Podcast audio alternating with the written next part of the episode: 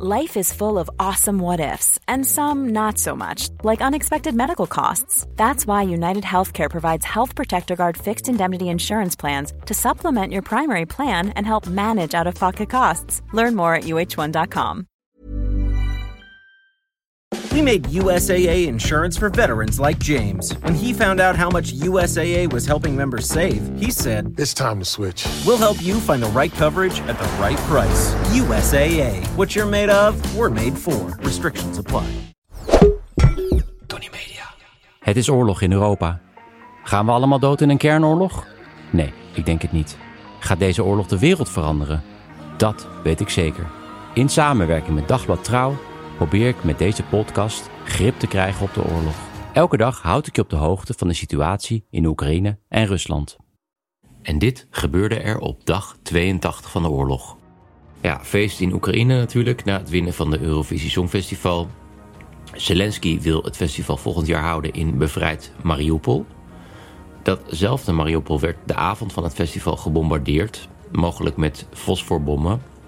Op pro-Russische telegramkanalen waren bommen te zien met het opschrift Red Mariupol en Red Azovstal. Dit is een cynische verwijzing naar dezelfde oproep die een bandlid van de Oekraïense inzending deed aan het einde van het nummer. Helaas door niemand in Nederland gehoord omdat Cornel Maas er doorheen zat te kwekken. Of Jan Smit, dat weet ik even niet meer.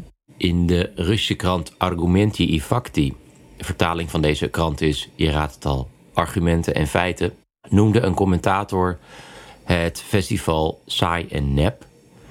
Ehm, die commentator verdeelde er even niet bij dat Rusland uit zijn dak ging toen Dima Bilan in 2008 het Eurovisie Songfestival won. Met Olympische schaatser Plushenko op een heel klein schaatsbaantje. Ja, die ging dan schaatsen tijdens dat nummer. Kan je vast wel herinneren. Die Plushenko staat trouwens helemaal achter Poetin in deze oorlog. Opnieuw kwamen er stemmen op in Rusland voor het Intervisie Songfestival. Een soort tegenhanger van het Eurovisie Songfestival. Het stamt nog uit de Sovjet-tijd. En die is door Poetin weer in het leven geroepen na de overwinning van Conchita Wurst in 2014. Wat volgens Poetin een teken was van westers moreel verval. Uiteindelijk is het nooit gekomen van dat uh, Intervisie Songfestival. Uh, terug naar de oorlog. Intussen heeft Wit-Rusland speciale eenheden langs de grens met Oekraïne geplaatst. De kans is klein dat ze Oekraïne binnenvallen. De bevolking in Wit-Rusland is overweldigend tegen militaire betrokkenheid van uh, Wit-Rusland. Maar het dwingt het Oekraïense leger wel om soldaten bij de grens te houden. Die dan niet kunnen vechten in de Donbass, waar nog steeds het zwaartepunt van de oorlog ligt. Russen vuurden de afgelopen dagen raketten af op een ziekenhuis in Severodonetsk, op militaire doelen in Lviv en opnieuw een toeristische attractie in Odessa. De Russische soldaten in Kharkiv zijn teruggedrongen tot bij de Russische grens. Dat blijkt ook uit spectaculaire beelden van Oekraïnse soldaten die met een nieuwe grenspaal door niemandsland lopen om de paal op de grens neer te zetten. En eenmaal daar aangekomen roepen ze: Meneer de president, we hebben het gered. Door dat verdrijf van Russen is de stad Kharkov buiten bereik van Russische artillerie.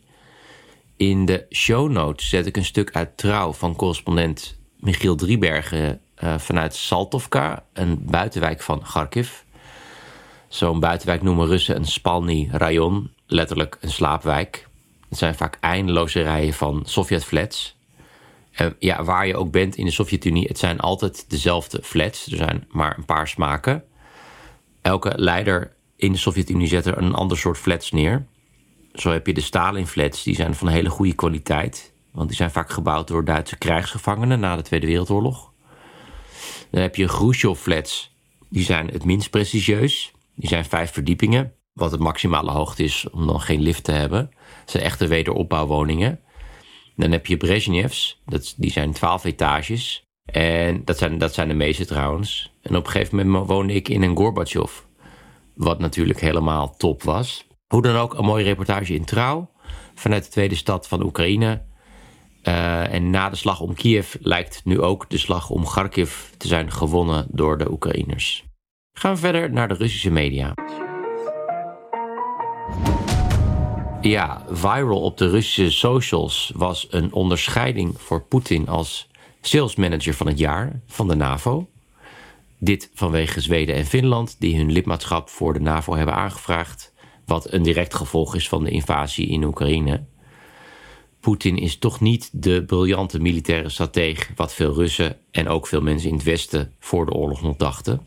Ook steeds meer kritische geluiden in Rusland vanwege de vele militaire tegenslagen van Rusland in deze oorlog. Vorige week was het weer raak. Rusland werd in de pan gehakt toen ze probeerden de Severodonetsk-rivier over te steken. Dat zouden ze drie keer op dezelfde plek hebben geprobeerd, wat natuurlijk niet zo slim is. En het zou kunnen dat daar een heel bataljon is eh, vernietigd, met honderden doden als gevolg. Ik besteedde op dag 79 al aandacht aan hoe dit eh, gebeurde. De populaire Russische militaire blogger Yuri Podolyaka, met 2,1 miljoen volgers op Telegram, zei: Ik heb lang genoeg mijn mond gehouden. Wat er gebeurde in Bilohorivka, dus, dus die plek waar die Russen probeerden de rivier over te steken, is de druppel. Dit is geheel te wijten aan de stomzinnige strategie van Russische officieren. Ja, in een oorlog kunnen dit soort dingen gebeuren, maar dit is al drie maanden aan de gang en er verandert niets. Ik en miljoenen andere Russen hebben vele vragen voor de leiders van deze militaire operatie. Ja, en dat is natuurlijk de vraag: hoeveel stomzinnigheid is er nodig uh, voor het voor de Russische bevolking genoeg is? Hoeveel lichamen van twintigers moeten er nog teruggestuurd worden? Die zijn doodgegaan door incompetentie van de militaire leiding. Dan nog wat nieuws over Marina Afsjanikova, de dappere vrouw die achter de nieuwslezer ging staan met een anti-oorlogsbord. Ze is intussen naar het buitenland gevlucht. Het was opvallend dat ze een relatief milde straf had gekregen, maar nu bestaat de kans dat ze haar kinderen niet meer mag zien, wat misschien wel de ergste straf is natuurlijk. Ik las een interview met Afsjanikova in het Russische blad Golot, wat koud betekent. En in dat interview vertelt ze dat haar ex-man een rechtszaak tegen haar heeft aangespannen. Hij woont nog in Rusland met haar twee kinderen en wil door de rechtszaak afdwingen dat zij haar kinderen niet meer mag zien.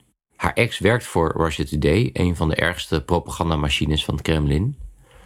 Haar oudste kind wil haar sowieso niet zien, die ziet haar als een verrader. En de jongste van elf, die belt haar vaak en vraagt dan wanneer haar moeder weer terug is. En Marina antwoordt dan telkens over een week, wat ik pedagogisch best dubieus vind. Want een week later belt die dochter dan weer en vraagt: een, een week is voorbij, waarom ben je er dan niet? Lijkt me echt hartverscheurend om mijn dochter niet te kunnen zien. De rechtszaak dient vandaag. Oké, en dan nog dit. Het is moeilijk om precies beeld te krijgen van de oorlogsmisdaden van de Russen. Het is duidelijk dat die verschrikkingen in Bucha maar het topje van de ijsberg zijn. Maar op andere plekken hebben Russen meer tijd gehad om hun misdaden te verstoppen. Maar heel af en toe is er een getuige die het verhaal nog kan vertellen. De krant Wall Street Journal vertelt het ongelofelijke verhaal van Mikola Kulichenko, die zijn executie overleeft en uit zijn graf klimt. Ik zal een link in de show notes zetten. Ik doe het artikel cadeau. Als het goed is, kunnen jullie het lezen, gewoon zonder paywall. En ook de foto's zien die bij dit verhaal horen. Het is een heel erg goed gedocumenteerd verhaal. Uh, die Kulichenko woont in het dorp Dovzhik. En in de eerste dagen van de invasie bezetten de Russen dit dorp. En alles loopt daar relatief rustig tot 18 maart, als een Russisch konvooi onder vuur komt door een hinderlaag. En die Russische soldaten gaan dan door het dorp om de schuldigen te vinden. En ze lopen binnen bij het huis van Kulichenko. Ze vinden een tas met een uniform en kogels van Yevgen, wat de broers van Mikola. Die staat dan op het punt om naar Zhytomyr te vertrekken om daar te gaan vechten. En Mikola, Yevgen en nog een broer, uh, Dimiro, worden weggevoerd en worden dagenlang ondervraagd en gemarteld en uiteindelijk naar een bos gereden waar ze alle, alle drie worden geblinddoekt. En die Mikola hoort twee schoten. Dat gebeurt dus als zijn broers worden geëxecuteerd. En de derde kogel is voor hem, maar die kogel gaat alleen maar door zijn wang heen. En hij valt in een kuil waar zijn broers al liggen. En terwijl hij wordt begraven, denkt hij: Ik ga in ieder geval dood met mijn broers. Hij hoort een van zijn broers nog één keer ademhalen en dan is het stil. En op een gegeven moment hoort hij ook de Russische soldaten niet meer. Hij is niet zo erg diep begraven, dus hij klimt uit het graf en loopt dan gehandboeid weg. En als het avond is, loopt hij een verlaten dorp binnen. En in een kapotgeschoten huis vindt hij een mes om zijn handen los te maken. En dan de volgende dag loopt hij naar een volgend dorp waar een vrouw hem te eten geeft en uh, een kaart voor hem maakt.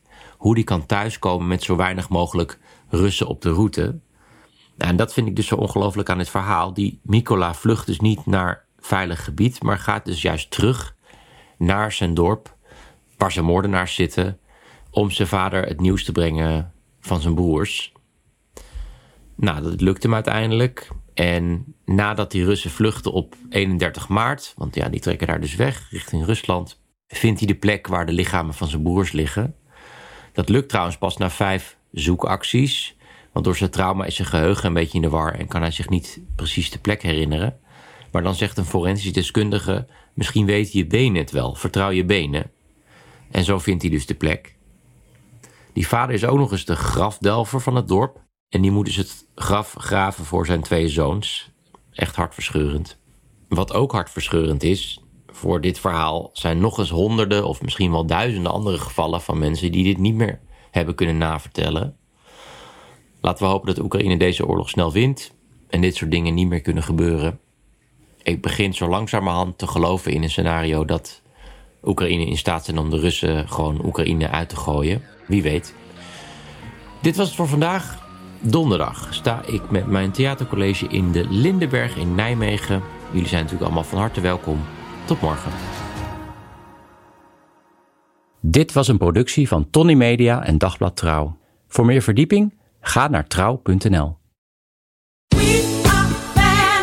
A good time starts with a great wardrobe. Next stop, JCPenney. Family get togethers to fancy occasions, wedding season too. We do it all in style dresses, suiting, and plenty of color to play with. Get fixed up with brands like Liz Claiborne, Worthington, Stafford, and J. Farrar. Oh, and thereabouts for kids. Super cute and extra affordable. Check out the latest in store, and we're never short on options at jcp.com. All dressed up, everywhere to go. JCPenney.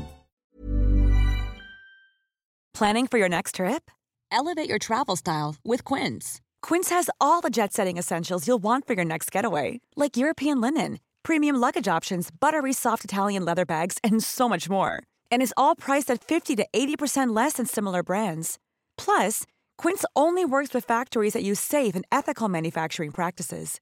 Pack your bags with high-quality essentials you'll be wearing for vacations to come with Quince. Go to quince.com/pack for free shipping and 365-day returns.